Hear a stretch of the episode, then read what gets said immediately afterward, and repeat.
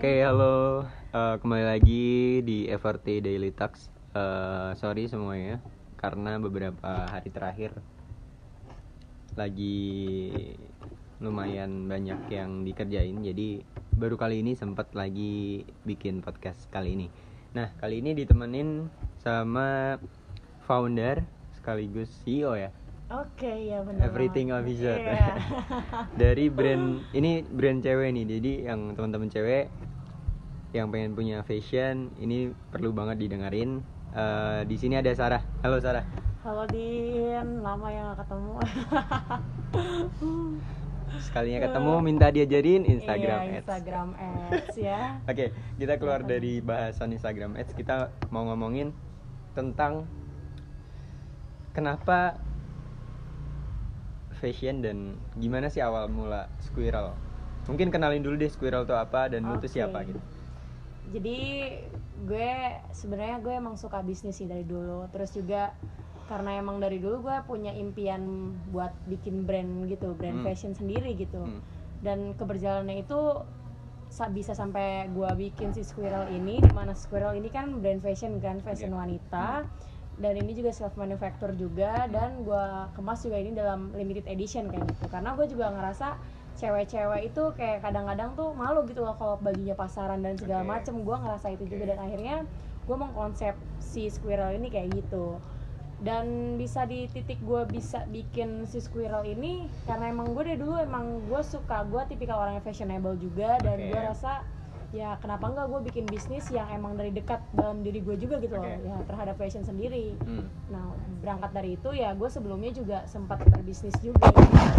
Entah itu waktu itu sepatu, Hmm. terus juga gue juga reseller kerudung dan segala Iya. macem. Jadi buat sapi perahnya lah buat bener-bener gue ya bikin modal dari si squirrel ini gitu. Oke, Jadi oke, salah oke, itunya. oke. Jadi ya udah gue akhirnya memutuskan buat buka dan bangun brand ini kayak gitu. Dan Oke. sekarang sekarang lagi jalanin juga.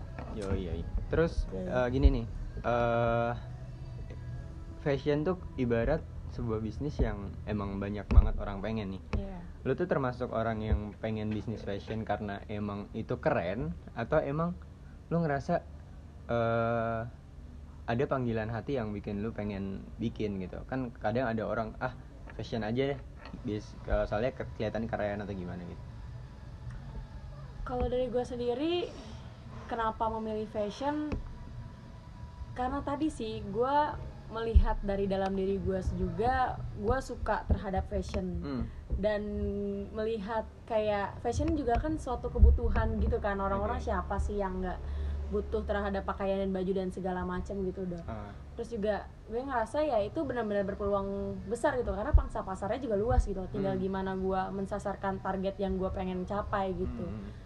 Dan menurut gue ya itu sih jadi kayak karena diri gue pun suka fashion Hmm. terus juga fashion juga kan pasarnya pangsanya luas gitu loh Oke. misalnya kenapa gue nggak kuliner dan segala macam karena mungkin ya gue kuliner pun nggak passionate di kuliner Hmm. gitu loh gue pernah juga gitu loh kayak pernah lah gitu sama temen gue juga cuman Ah, karena gue emang nggak kuliner nih? iya Ah. nggak passionate di situ jadi ya gue juga nggak nggak apa ya nggak enjoy gitu loh Oke, ngejalaninnya. emang jualan apa tuh dulu?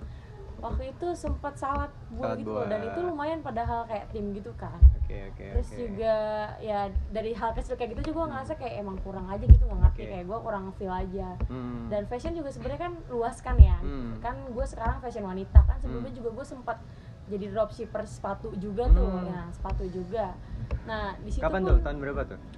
tahun berapa ya sekarang tahun berapa sih 2019, 2019. Berarti tahun 2018 Hmm. tahun 2018 ya gue waktu itu udah sampai bener-bener ke produksinya langsung produksi Hmm. sepatu ke home home Oke. industri gitu yang ada di Oke. Tangerang gitu dan itu deket banget deket rumah gue Hmm. tapi nggak ngerti kayak mungkin karena gue gue udah dari situ udah belajar sih jadi belajar tentang sepatu gimana segala Oke. macam bahan-bahannya dan lain-lainnya gitu gue jadi belajar karena gue bener-bener ke tempatnya langsung bener-bener ke open sepatu tuh gimana kayak gitu gue bener-bener sampai ke situ tapi seiring berjalannya mungkin karena gue juga bukan gue nggak tertarik terhadap sepatu sendiri gue bukan yang emang penggemar sepatu dan gimana bukan cuma jadi kayak gue ngejalanin bisnis ini pun dalam hal nggak cuman buat memenuhi kebutuhan konsumen gitu loh tapi di sisi iya, lain iya. hasrat dari dalam diri gue yang bikin gue pro terhadap diri gue gue bisa uh, memenuhi kebutuhan konsumen terhadap apa yang gue I see, jual gitu see, I loh. see, Uh, see. jadi gue nggak nemuin itu gitu loh pas gue bikin spa gue jualan sepatu gitu. dan Hmm. akhirnya gue memutuskan dari ya dari berangkat dari sepatu gue ngumpulin modal juga terus gue ya udah bangun si squirrel ini emang dari dulu gue punya pengen mimpi brand fashion wanita gitu dan baju-baju segala macam yang emang itu menjadi karakter diri gue dan gue juga ngerasa enjoy maksudnya kayak gimana ya gue ngerasa eh, proud juga gitu gue bisa nyiptain gue bisa Brand em, gitu iya ya? brand ini dan ini Oke. bener-bener karya gue gitu gue Oke. bisa memenuhi keterbutuhan konsumen gue terhadap apa yang gue bikin dan itu jadi gue enjoy dan gue bangga terhadap apa yang gue dan bikin idealis idealis lu tertuang di situ juga Iya, bener Oke, banget. oke. eh dan eh gini sih eh Sar lu kan pasti sebelum bikin brand pasti pernah yang namanya jualan juga atau Hmm. juga lu tadi bilang eh kalau lu pernah nyoba bisnis lain juga gitu Iya. Which is mungkin teman-teman juga bisa ngerti kalau kalian mulai bisnis ketika bisnis pertama itu gagal bukan berarti iya bener banget eh, perjalanan bisnis kita selesai gitu ya iya kalau menurut lu gimana Eh, kalau menurut gue sih gini sih karena gue juga ya pada dasarnya prinsipnya ketika lo mau meraih apa pun yang lo pengen ya lo pasti ada namanya proses kan? Hmm. Dan pasti ada yang namanya gagal dan dari gagal itu bukan berarti lo bener-bener gagal gitu Hmm. Ting- ya emang itu lo pasti ada pembelajaran dari kegagalan itu dan lo mesti bangkit lagi sehingga apa yang lo inginkan bisa kecapai Ah, oke. dan menurut gue kayak bisnis sendiri kan mungkin orang-orang bingung gitu mau mulai bisnis dari mana terus Hmm. mungkin mereka yang apa ber- nggak berani buat ngambil resiko karena kan Oke. bisnis kan butuh uang takut uangnya apa lah nggak ini segala macam mungkin masih banyak pertimbangan lain kan sehingga Iya. orang enggan buat berbisnis ya Oke. ya menurut gue bisa dimulai sih dari kayak simpelnya ya lo jadi reseller aja gitu gue Hmm. pertama dari gue Lu jualan apa sih pertama? SMA apa ya gue zaman SMA Oke, itu SMA gue nih. bantuin teman gue reseller kerudung reseller dulu. Heeh, kerudung brand orang itu brand orang Oke. gitu gue nge-reseller ya mungkin Itu kenapa sih lu mau jualan kan mesti orang nanya gitu loh. Kenapa sih Heeh. SMA harus jualan juga? Apa sih yang bikin lu akhirnya jualan gitu? kalau gue sih mikirnya eh gak ngerti ya kayak mungkin karena dari keluarga gue juga eh, suka berbisnis usaha Oh, gitu. oke, oke. dan gue kebawa aja gitu atmosfernya buat suka bisnis dan dagang gitu. Hmm. jadi menurut gue eh, dan dari diri gue juga gue mikirnya gini sih bukan karena dari orang tua juga sih.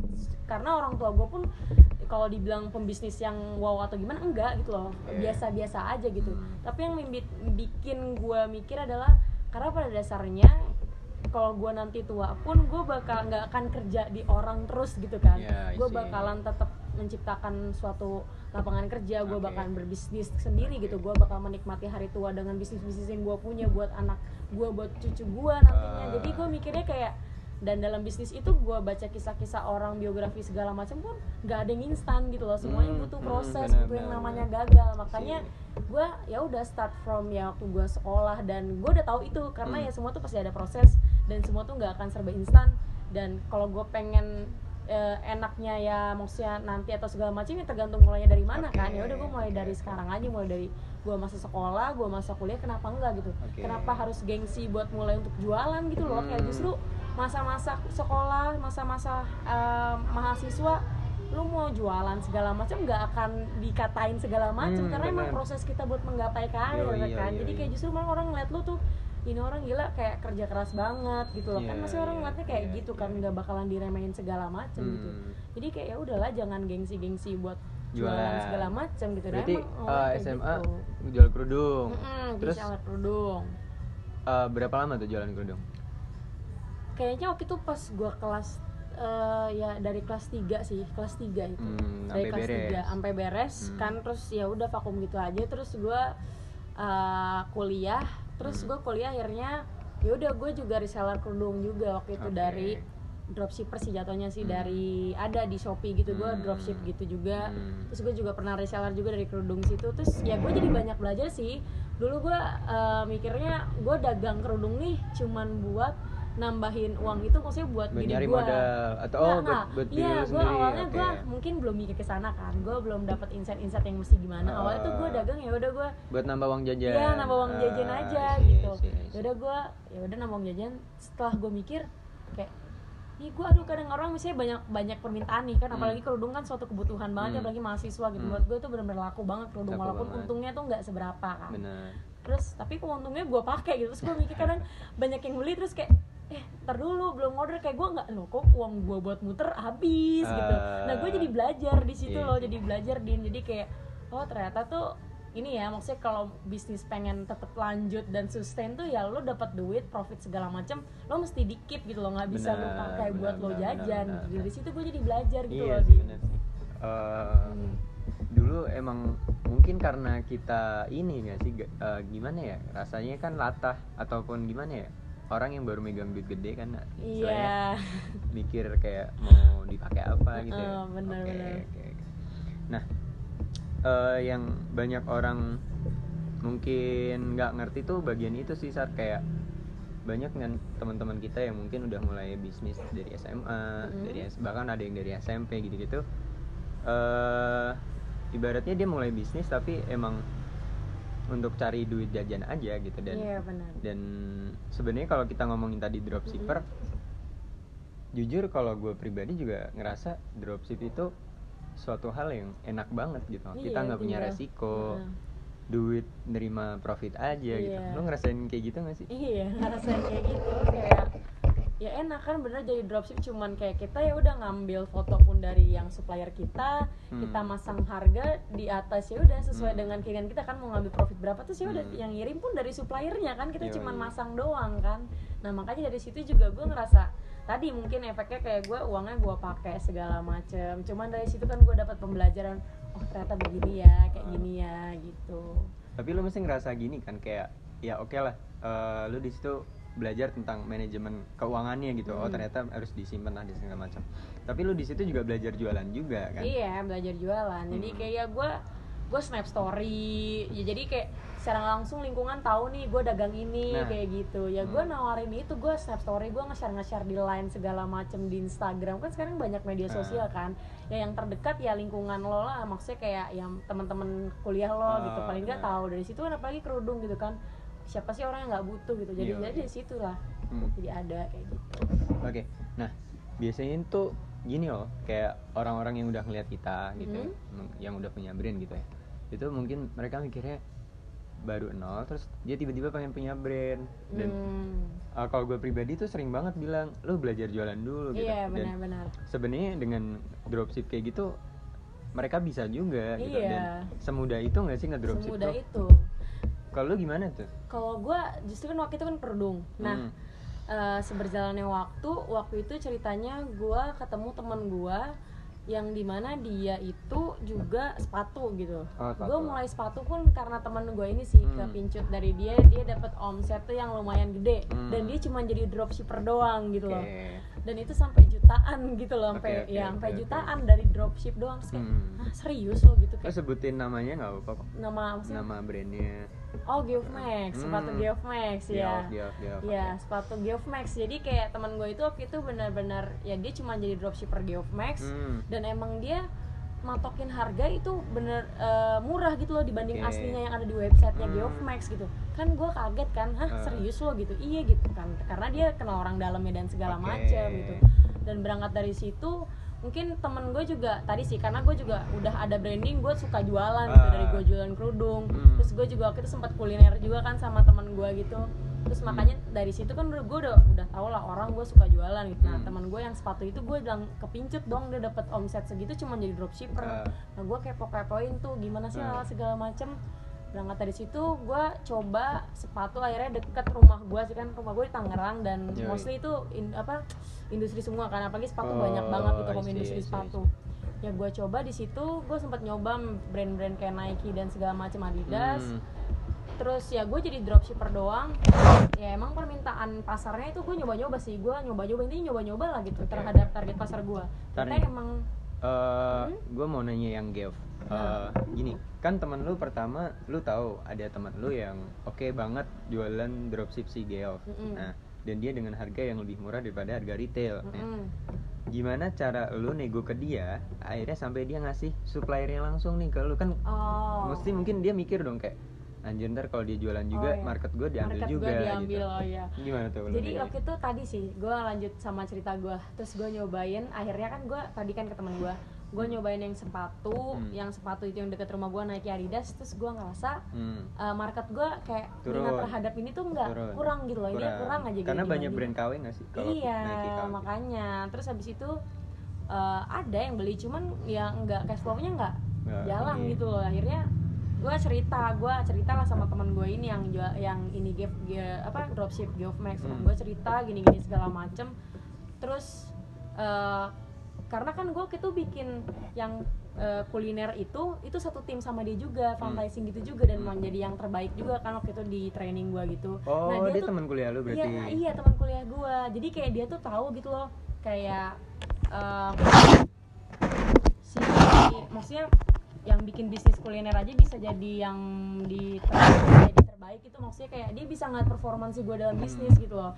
Dan ketika dia ngelihat gue maksudnya gue pengen sepatu nih cuman gue lagi ya kayak ternyata Nike gini-gini ya gue cerita aja gitu sama dia. Terus dia akhirnya memu- ya dari situ nggak ngerti kayak dia kayak kok bisa sih lo gini-gini? Terus dari situ dia akhirnya gue kerja sama sama dia gitu. Oh, kerja sama sama dia gitu. buat lu sepatu waktu itu. ngejual Geoff tuh lu pakai bendera sendiri atau gimana tuh iya make make toko gue sendiri namanya terus gue my baby owl Oke, my, my baby awal jualannya Geoff. Siap. iya benar Siap, anjir siap. gue nggak ngerti lagi itu nama kenapa itu ya itu soalnya ada ceritanya din Oke, gimana ada gimana? ceritanya gimana? ya Gimana itu tuh? My ah, baby awal. ya gue malas banget itu. Baik banget kan Geomax tapi juga namanya My Baby Owl. Oke, kalau gue Oh my god. punya juga gue namain Pororo aja.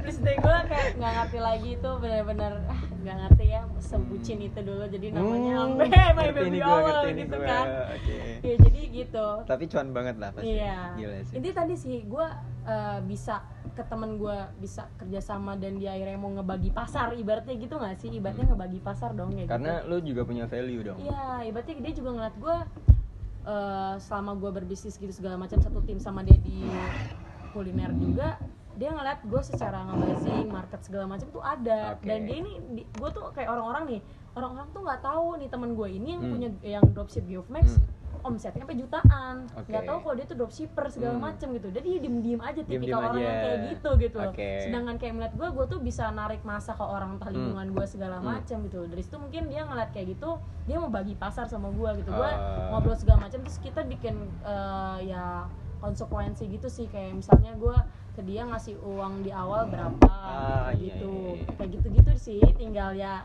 kompromi aja enaknya kayak Hmm. gimana gitu Jadi Cuman tadi- sama-sama enak, akhirnya dia Iya, mau. akhirnya dia mau ya tadi sih balik lagi ke emang elunya juga sih kayak ibaratnya ya tadi sih lu all out yang dari apa yang lo kerjain juga mungkin kayak peluang-peluang entah temen lu atau entar investor segala macam bakal ada dengan Hmm, sendirinya benar, benar, gitu benar. Jadi kadang tuh ada orang yang mempermasalahkan kenapa sih lu nunjukin banget aktivitas bisnis lu lah. Ini Mm-mm. juga manfaatnya kan. iya Hmm.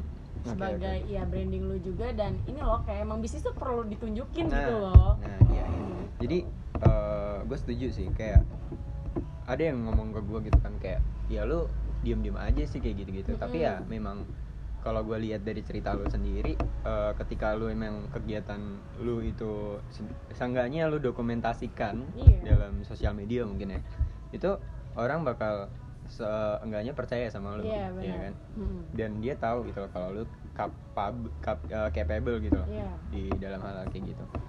Nah, eh gini sih, eh tadi kan lu udah mulai ke Geoff, terus dia lu kerja sama nih sama teman lu itu, terus apa emang lu tuh di situ emang sebatas nyari uang aja, terus berhenti atau ada sesuatu yang bikin lu berhenti gitu?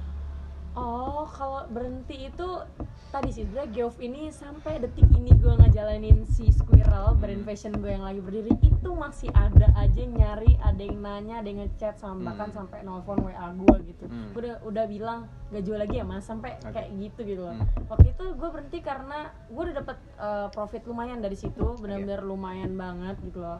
Dan itu makanya bisa eh, ngebangun si Squirrel juga Ah. dari situ karena tadi sih karena si orang dalamnya ini yang si Geomax itu tip, eh, emang kendalanya itu tadi kayak chat eh, dibalas lama Hmm. terus misalnya kayak misalnya ada orang nih yang udah mau beli udah transfer Hmm. tiba-tiba dari pihak sononya gue udah ngomong dia ngomong oke tiba-tiba dia nggak ngebatalin kan gue nggak enak dan itu sering gitu loh Oke. Terus kayak gue bikin kayak ini risih juga nih gitu apakah gue nyari orang lain ya cuman kan susah banget gitu loh bisa dapat orang kayak gitu Orang dalam gitu. Heeh, orang dalam kayak gitu gitu kan gimana Ini lu gitu. kalau didengar Di sama Bandung. foundernya Geoff nih kayaknya Oh. bakal waduh.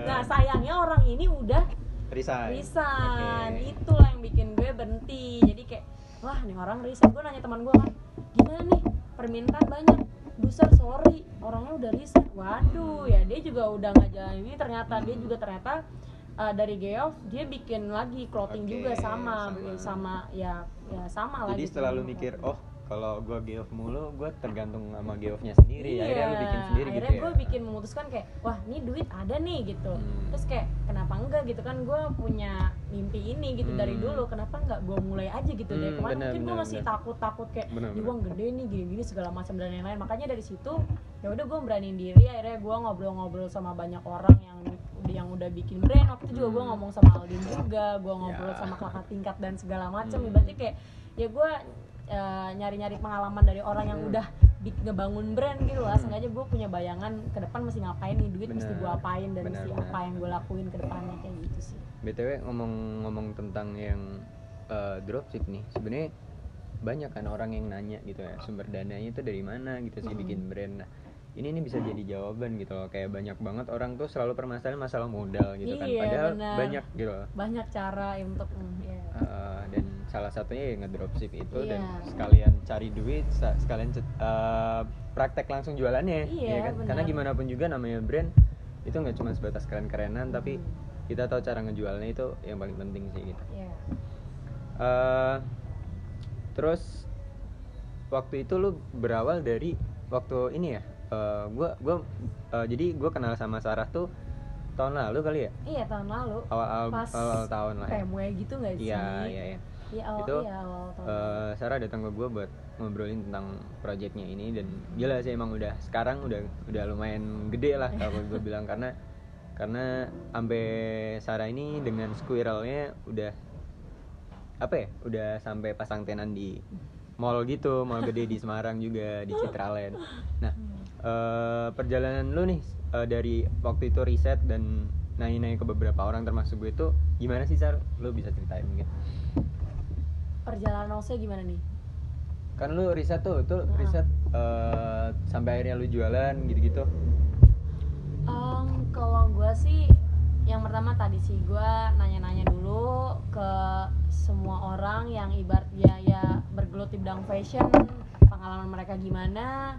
Terus gue juga ngomong gue ngomong ke orang itu gue pengen bikin ini nih gitu-gitu Hmm. terus gue minta sarannya harus ngapain terus Hmm. gue ngasih tahu juga modal gue berapa gue bener-bener pure aja gitu loh Hmm. ngomong kondisi gue gimana dan gue Ah. pengen punya mimpi ini dengan orang yang udah berjalan di situ jadi kan gue bisa ngasih maksudnya bisa dapat uh, pandangan dari Hmm. orang itu harus kayak Hmm. gimana ya kayak gitu loh gue Oke. ngobrol-ngobrol sama orang gue gue dikasih tahu lu mesti ngapain ngapain Hmm. ngapain terus ya udah dari mereka mereka dari orang-orang itu gue dapetin channel-channel kayak konveksi segala Hmm, macam nih kamu oke. konveksi ini terus kain tuh di Semarang adanya di Keranggan gini dikasih tahu bener-bener kasih tahu Oke. semuanya link-linknya terus ya udah gue kontak-kontakin konveksi gue Hmm. coba konveksinya segala macam gitu Hmm, iya, itu iya, buat iya. itu sih maksudnya kayak mungkin nanya gue mulai dari mana gue nggak tahu kontak benar, eh, label ini di mana konveksi di mana ntar gue mesti ngapain ya Hmm. dari orang-orang itu bisa Iya, apalagi mahasiswa kan banyak. Banget dong yang bisnis bisnis gitu justru menurut gue kayak banyak.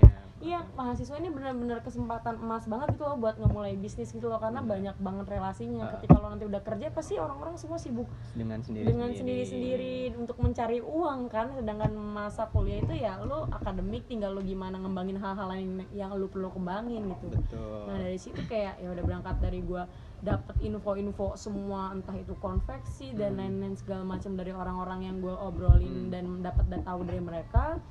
Terus akhirnya dari situ gue ya dikasih saran sih mesti gimana segala macam. Gue ngasih tahu kayak gue pengen bikin baju yang gini-gini kira-kira gimana mas? gitu. Oh kamu ketemu sama si A gitu. Disaranin kayak gitu dari orang ini nggak saran ke sini gitu gitu Hmm, iya. terus dari situ gue waktu itu gue kan kayak oh gue pengen bikin brand sendiri gue pengen bikin ngedesain sendiri terus akhirnya gue tapi nggak mau desain maksudnya gue ngedesain sendiri dalam artian gue nggak mau pasaran dong gitu Hmm. dong baju yang gue desain sedangkan mungkin gue nggak ada basic designer gitu kan Betul, gue jurusan betul. teknik industri gitu iya. menurut gue kenapa enggak sih maksudnya kenapa harus yang harus jurusan desainer bisa ngedesain menurut gue nggak nggak nggak maksudnya nggak patok kayak Nggak gitu harus gitu gitu. nggak harus kayak gitu sebenarnya ya waktu itu gue ya gue waktu itu ditemenin juga sama temen gue gue uh, window shopping gitu di mall-mall gue ngeliat Oke. branded branded yang bener-bener yang fashion fashion cewek yang branded branded gitu kayak Box gitu.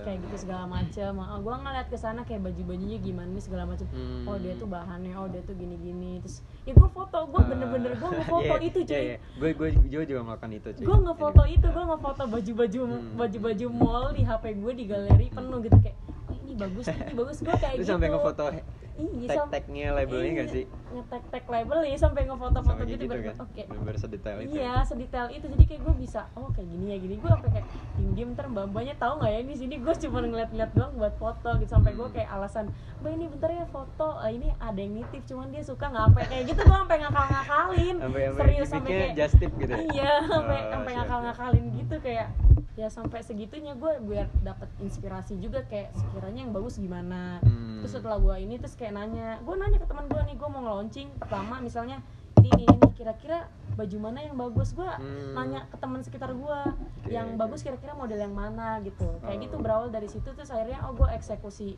gue nanya juga ke uh, yang mbak mbak yang ngedesain di konveksinya gitu Hmm. buat bikin baju kira-kira gitu? bagus nggak ini atau Hmm. bisa nggak segala macam ya gue nanya ke orang-orang dari beberapa yang Oke, gue dapetin baju-baju yang dari mall terus gue juga baju-baju gue Ah, tangannya I kayak tangannya dari model tangan yang gue baju gue punya jadi combine combine gitu Oke, loh berarti tapi gue nemuin satu poin sih di sini. Hmm. eh, ketika lu mau mulai brand, kalau versi lu tuh lu nyari orang yang udah mulai gitu. Emang Mm-mm. emang emang gue pernah dengar gitu kata Mhm. orang mah eh, kalau mau ngelakuin sesuatu, di- eh, which is di bisnis itu emang paling bener banget nyari mentornya biar Iya. biar kita ibaratnya lebih cepat juga dan Mm. nggak mengalami kesalahan-kesalahan yang pernah dilakuin sama dia juga. dilakuin ya jadi kita belajar dari pengalaman Hmm, orang hmm. gitu Kalau waktu itu ketemu sama siapa yang bener-bener bikin lu tuh ibaratnya terbantu banget untuk bikin spiral gitu?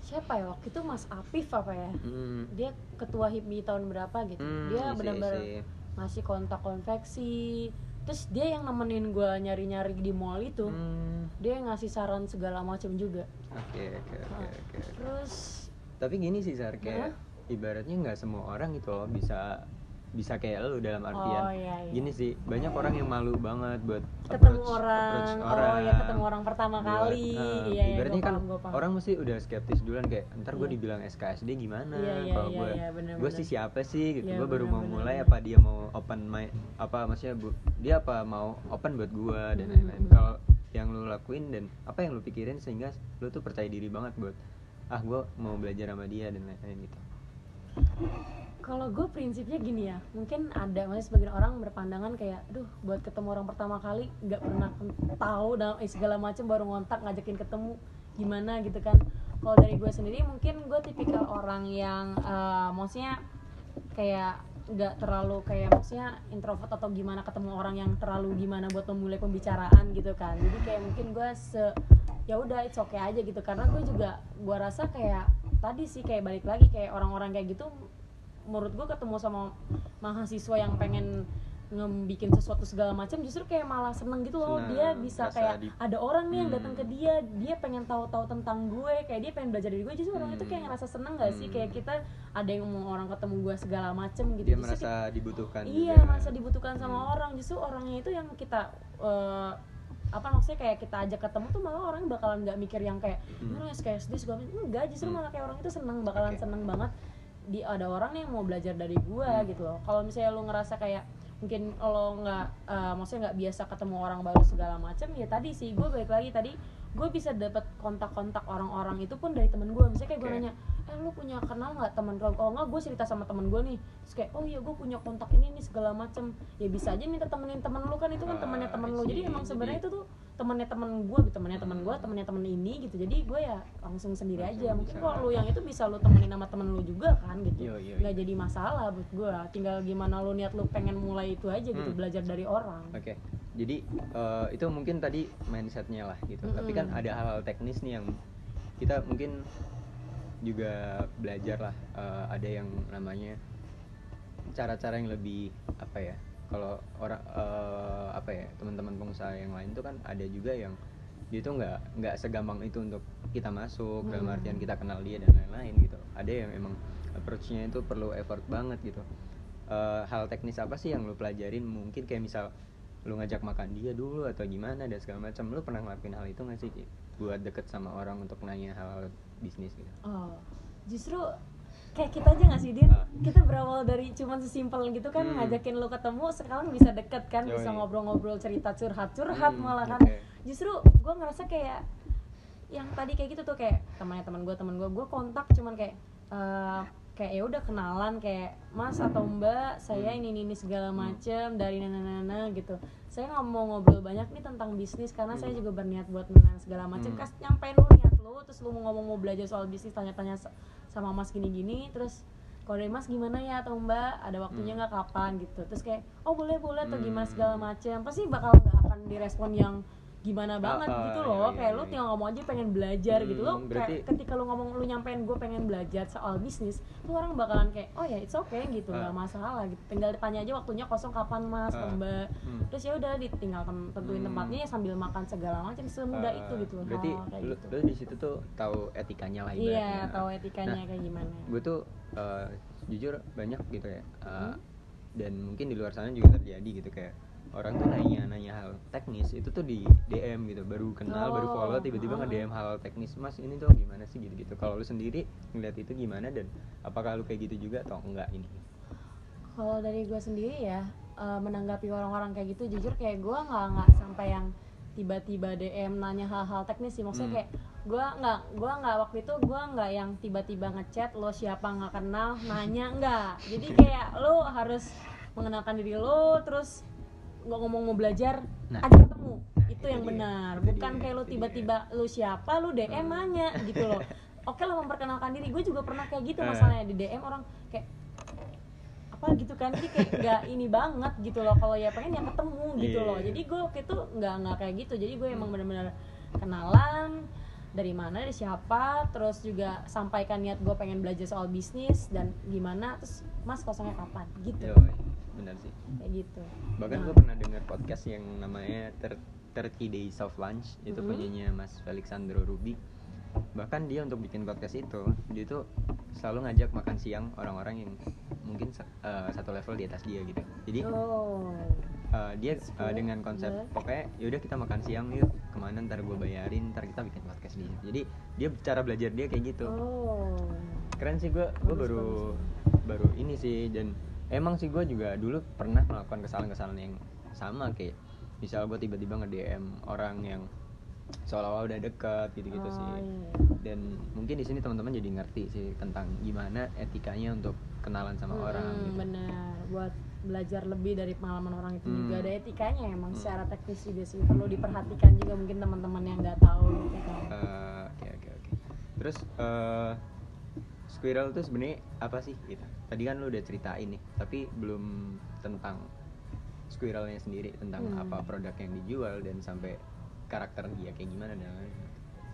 Kalau dari Squirrel sendiri ya tadi sih Squirrel tuh kan eh, brand lokal fashion wanita Hmm. yang di mana itu gue konsepin di sini juga dari segi packagingnya juga ya premium gitu jadi lo bisa ngeliat juga jadi emang gue sengaja kenapa packagingnya gue bikin premium karena tadi sih kan karena sekarang era digital gitu ya Hmm. di mana sekarang juga pada beli segala macam online jadi gue mau bikin kesan ya uh, packagingnya maksudnya ketika sampai itu memberikan arti dan value tersendiri gitu loh Oke. bagi orang yang membelinya kayak gitu jadi Bisa ada nilai juga. iya di unboxing segala macam juga Oke. kan buat engagement terhadap Hmm. brand gue sendiri gitu loh Hmm. terus juga ya gue ngonsep ini tadi sih di limited edition karena gue ngeliat uh, keresahan wanita yang di mana gue kadang malu gitu loh kalau gue pakai baju pasaran gitu jadi gue Ah. bikin ya stok uh, limit gitu loh terbatas Oke. gitu loh jadi kayak Jadi orang-orang tertentu aja yang punya. orang-orang tertentu aja yang punya kayak gitu kalau dari uh, baju-bajunya sendiri ya gue hasil desain gue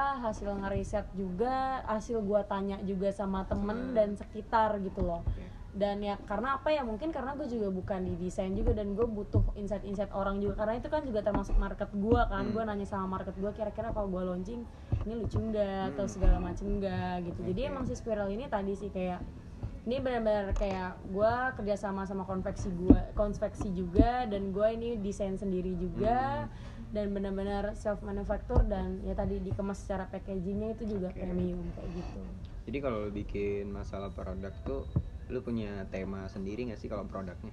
Kalau bajunya gitu. -gitu. Kalau dari bajunya gue ngonsepin lebih ke girly girly gitu sih. Hmm. girly girly gitu. Jadi kayak mungkin kan ada yang fashion wanita juga yang kayak minimalis atau yang kayak gimana. Kalau dari gue gue lebih yang girly girly gitu. Hmm. jadi kayak yang lucu lucu atau cewek-cewek yang suka ya emang yang girly yang suka yang bener yang hal-hal yang lucu dan segala macam gitu kan. Emang tiap brand juga punya ciri khasnya masing-masing kan.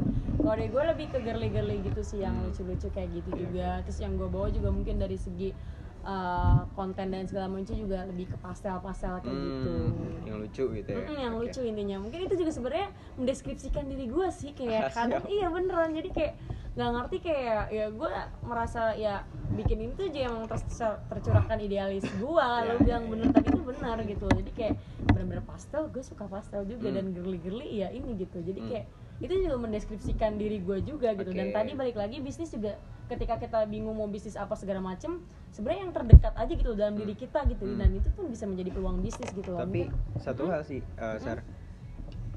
gue ngelihat perkembangan produk lu dari yang tadinya gue lihat sih kayak dua warna yang benar-benar satu baju itu terdiri dari dua warna doang yang benar-benar gue lihat minimalis gitu dan beberapa bulan terakhir kayak gue ngelihat produk lu tuh udah mulai beda nih dari yang Mm-mm. sebelumnya karena gue sendiri mungkin udah pernah dengar kalau our first ideas is trust gitu kayak Mm.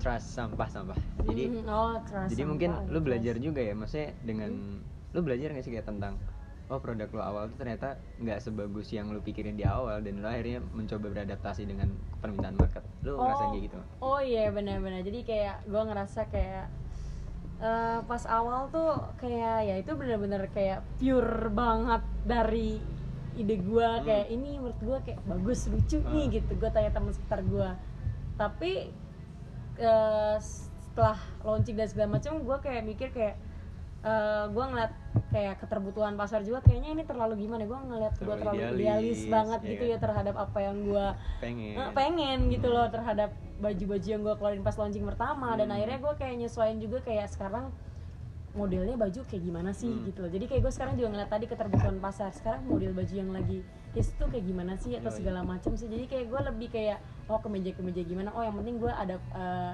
variasi yang gimana gimana. Jadi kayak gue yang launching sekarang sih kayak lebih kayak tadi sih ngikutin juga permintaan pasar dan sekarang zamannya yang kayak gimana tinggal gue variasiin aja kayak gimana siap, gitu siap, sih. siap. ya gue awalnya terlalu ini banget sih. Emang gue juga ngerasa kayak Hmm, gitu sih. Iya iya iya at least lu ngerti lah sekarang iya Ya. iya gue ngerti sekarang terus eh, ini nih yang menarik nih eh, si Squirrel tuh udah berhasil bikin tenan di Citraland Semarang nih di Hmm. mall ya salah satu mall gede di Semarang nah eh, mungkin yang lihat dari luar itu keren banget tapi Iya. sebenarnya ada cara nih dari lu Oh, sendiri iya, lu bisa cara. ceritain nih kalau dari gue sendiri ya bisa open tenan mungkin kayak mikirnya kayak anjir mahal banget Eh. kan open tenan di mall hmm. dong gitu. Itu bisa eh sampai hampir nyampe puluhan juta Hmm, gitu kan. Hmm. dan nggak mungkin dong maksudnya kayak nggak ada modal dari mana bingung segala macam gitu.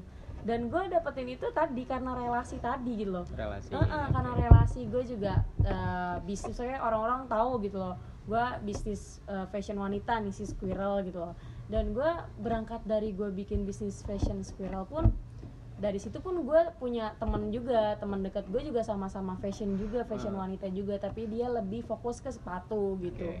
dan dari dia pun gue juga kayak terinspirasi juga makanya tadi balik lagi yang gue mau bikin um, si Squirrel juga gue terinspirasi juga dari teman gue ke teman gue beda setahun sih kakak Hmm. tingkat gue teman gue aja bisa kenapa gue enggak gitu Eh, terus dan gue pun punya mimpi itu gitu loh tapi dia udah bisa realisasi realisasiin itu dan gue nggak bisa ngerealisasiin itu kenapa gue mesti ini jadi terpengaruh juga tuh sama Hmm. teman tuh berdampak juga sebenarnya lingkungan yang ada di sekitar kita oke dan dari situ gue ya tadi relasi segala macem terus juga ya sama sama teman gue ini yang sama-sama fashion juga semakin lama juga semakin dekat segala Hmm. macem tadi sih karena keterdekatan sama ya keakraban sama yang Hmm. sama-sama bisnis ya akhirnya Oke. dia juga kan dia mungkin oke lah bisnisnya dia udah jalan lumayan dan dia juga memadai gitu loh secara Hmm. modal karena gue deket sama dia dan segala macem akhirnya pun dia tahu kondisi gue gue punya pengen bisnis ini segala macem ya udah gitu dia dengan Hmm. baik hati ya udah nggak apa-apa sar taruh aja bajunya gitu jadi gue sama temen gue ini yang sama-sama uh, fashion wanita dia ngajakin gue ya udah Hmm. barangnya taruh aja di itu loh di stand dia berarti benar gitu. nih sekali lagi relasi cuy Iya, relasi itu penting banget gitu. Hmm. Lu bisa deket ya kayak gue sama Aldin, lu bisa deket ya karena tadi kan mungkin karena berawal cuma nanya Hmm. apa sih? Gue juga lupa kan ya pas awal kita. Tuh ya udah sampai di Pancong Tarjo kan Iya, iya. gitu. Sampai ke sini deket ya bisa curhat-curhat sampai deket gini kan Hmm. seiring berjalannya waktu juga Bener, sama terus juga karena kita juga sama-sama di di bisnis fashion. juga. Jadi situ mungkin deket segala macem dan bakal pah saling paham juga begini segala macam namanya juga mahasiswa bakal Hmm. kayak ya udah gitu dengan sendirinya dan bener relasi itu sangat-sangat penting sekali Oke. teman-teman Oke, nah terus ini deh, eh, what next setelah apa yang lu bikin sekarang nih? eh, apa sih yang masih jadi mimpi lu dan belum kecapai gitu dalam ke depan? di band fashion gue ini Ah.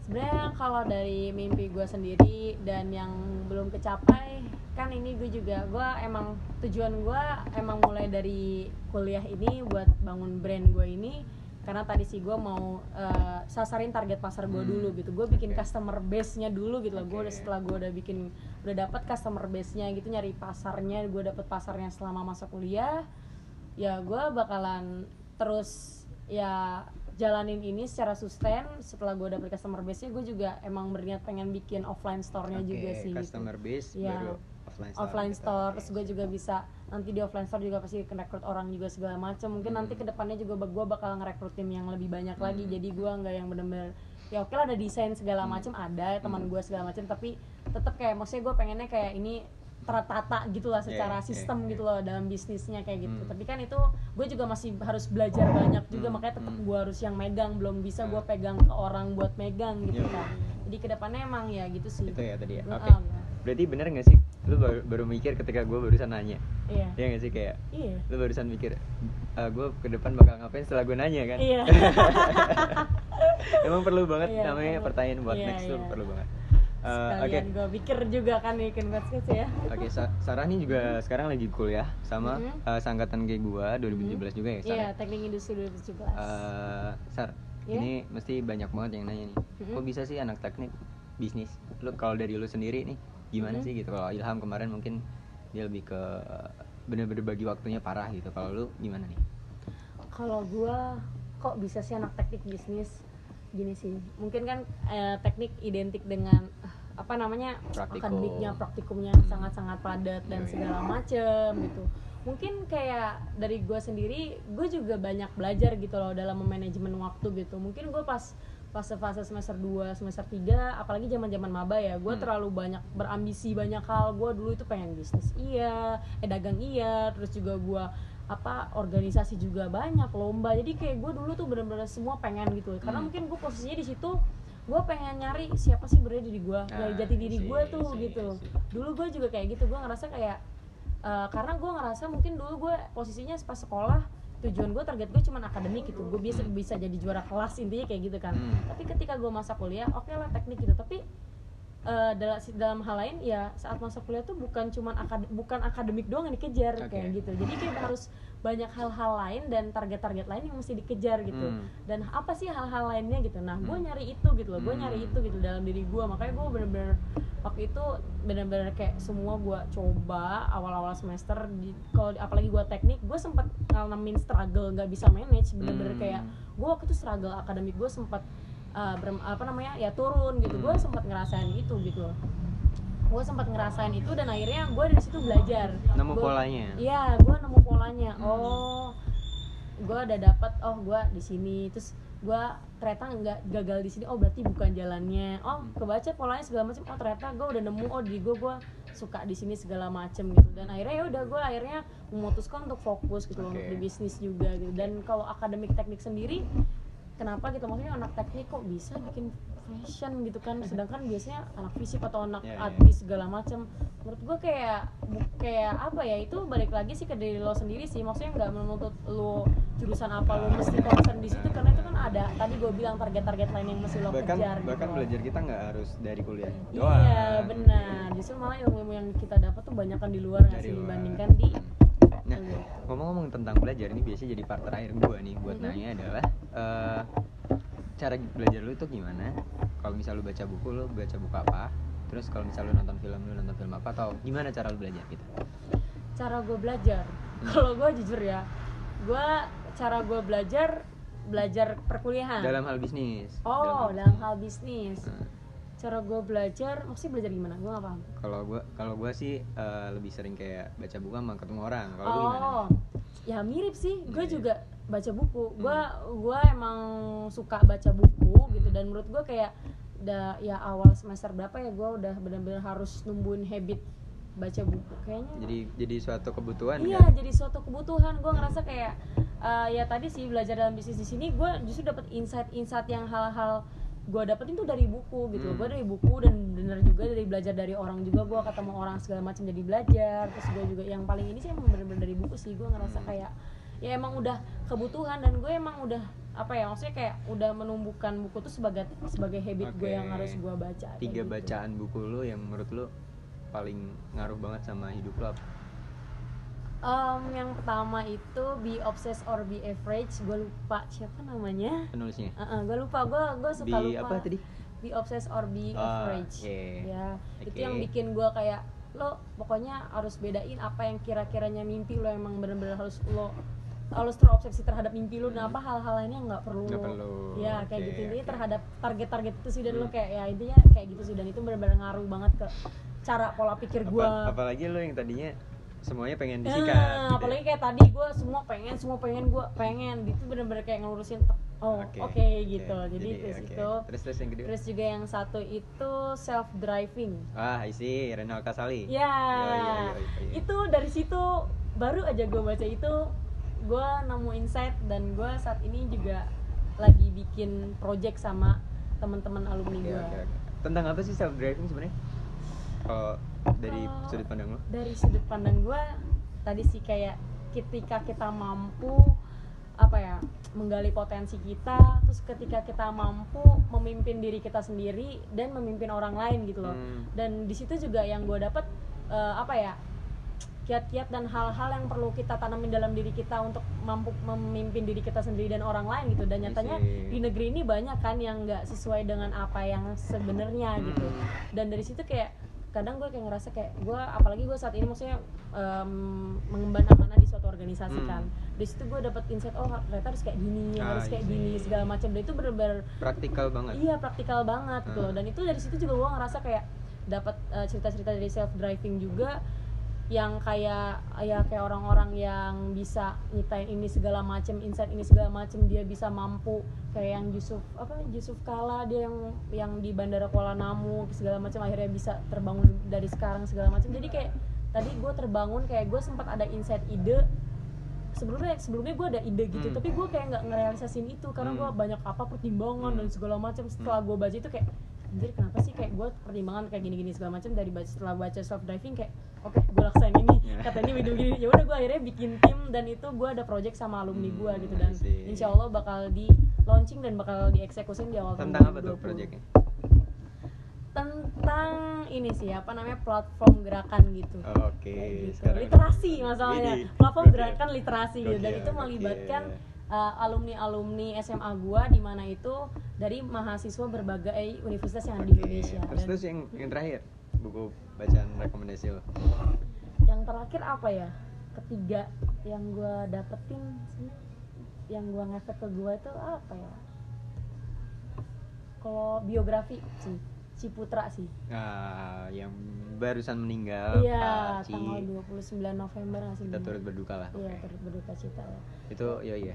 Gila itu nggak ngerti lagi sih kayak sampai bisa bikin yang kayak ternyata ancol dibikin dia yang gua nggak gua tau di kan gua ciputra doang Hmm. Eh. kayak semua tuh dibikin dia gitu Iya, yang ada di iya, Jakarta iya. terus kayak hampir semua properti gitu. ya. "Eh, eh," terus kayak yang gua salut kayak bener-bener kayak dapat cerita dia tuh yang gue inget tuh kayak dia berawal dari masuk ITB arsitektur Hmm. dia udah punya suami apa, istri Hmm, anak hmm. bahkan dia sampai bisa ngebangun proyek-proyek di Hmm. Jakarta ya ketika ya dia memberanikan diri berangkat ke Jakarta mau ketemu sama wali kota dong dia sampai Gokil ya. 20 kali lebih ke Nyoba. situ nyoba mau ketemu doang kayak kalau kita mikirnya realistis Kayak tiga kali aja, sekali aja mungkin kita udah Iya, jiper kayak, ya. lu ngapain sih anjir lu siapa ngenemuin Ah, wali kota lu siapa iya, gitu loh iya, mikirnya gitu kan kayak dia se nggak mikir ke sana ya Mentalnya dia itu mikirnya ya. kayak mentalnya bener-bener selagi gue berusaha pasti ada jalan. Hmm. dia bener-bener kayak nggak mikir kayak pertimbangan lu siapa lu? Mungkin kan kita mikir gitu kan. Iya, iya, lu panas-panasan segala macam kayak gini kayak gue pas gue baca itu oh iya bener ya bener kalimat selagi ada usaha pasti ada jalan. Jadi kayak bener-bener gak usah deh pertimbangan gini-gini lu lu usaha pasti ada aja jalan. 20 kali lebih akhirnya dia ketemu dong. Kayak sampai diusir segala macam kayak gue kayak mikir kayak itu bener-bener tak ke hidup gue kayak anjir ya ya bener ya kayak bener-bener kayak apalagi hidupnya yang bener-bener Berarti bukan bukan karena lu baca bukunya Pak Ciputra terus lu bisa bikin stand di Citraland kan? Oh, bukan, bukan. Bukan. bukan, bukan, bukan. Tapi ada ada ada insight yang lu sampai kan? Iya. Kayak lu nyoba akhirnya ke teman lu gitu Temen kan? iya kan, kayak gitu. Kan nggak ada Dari yang- bukunya beliau. Iya. Oke. Bener kan kenapa enggak gitu loh. Di sesi terakhir gue pengen eh, ya lu berhak untuk mempromosikan Oke. Squirrel. Jadi buat teman-teman yang dengerin podcastnya F40 ya, ya. F40 Daily Talks. Oke, F40 Daily Talks bisa banget nih kunjungin Instagramnya squirrel.sr. Follow sekarang juga. Jadi kita tuh setiap ada launching produk terbaru kita, kita bakal ngadain giveaway. Jadi buat lo yang ngincer gratisan segala macem bisa banget ikut giveaway-nya dan lo juga mungkin ya itu mungkin sesuai dengan sel lo bisa banget Oke. dibeli sekarang Siap. juga. Follow jangan lupa. Sama-sama Aldi. Siap. Eh, yaudah gitu aja teman-teman. See you in the next FRT Daily Talks.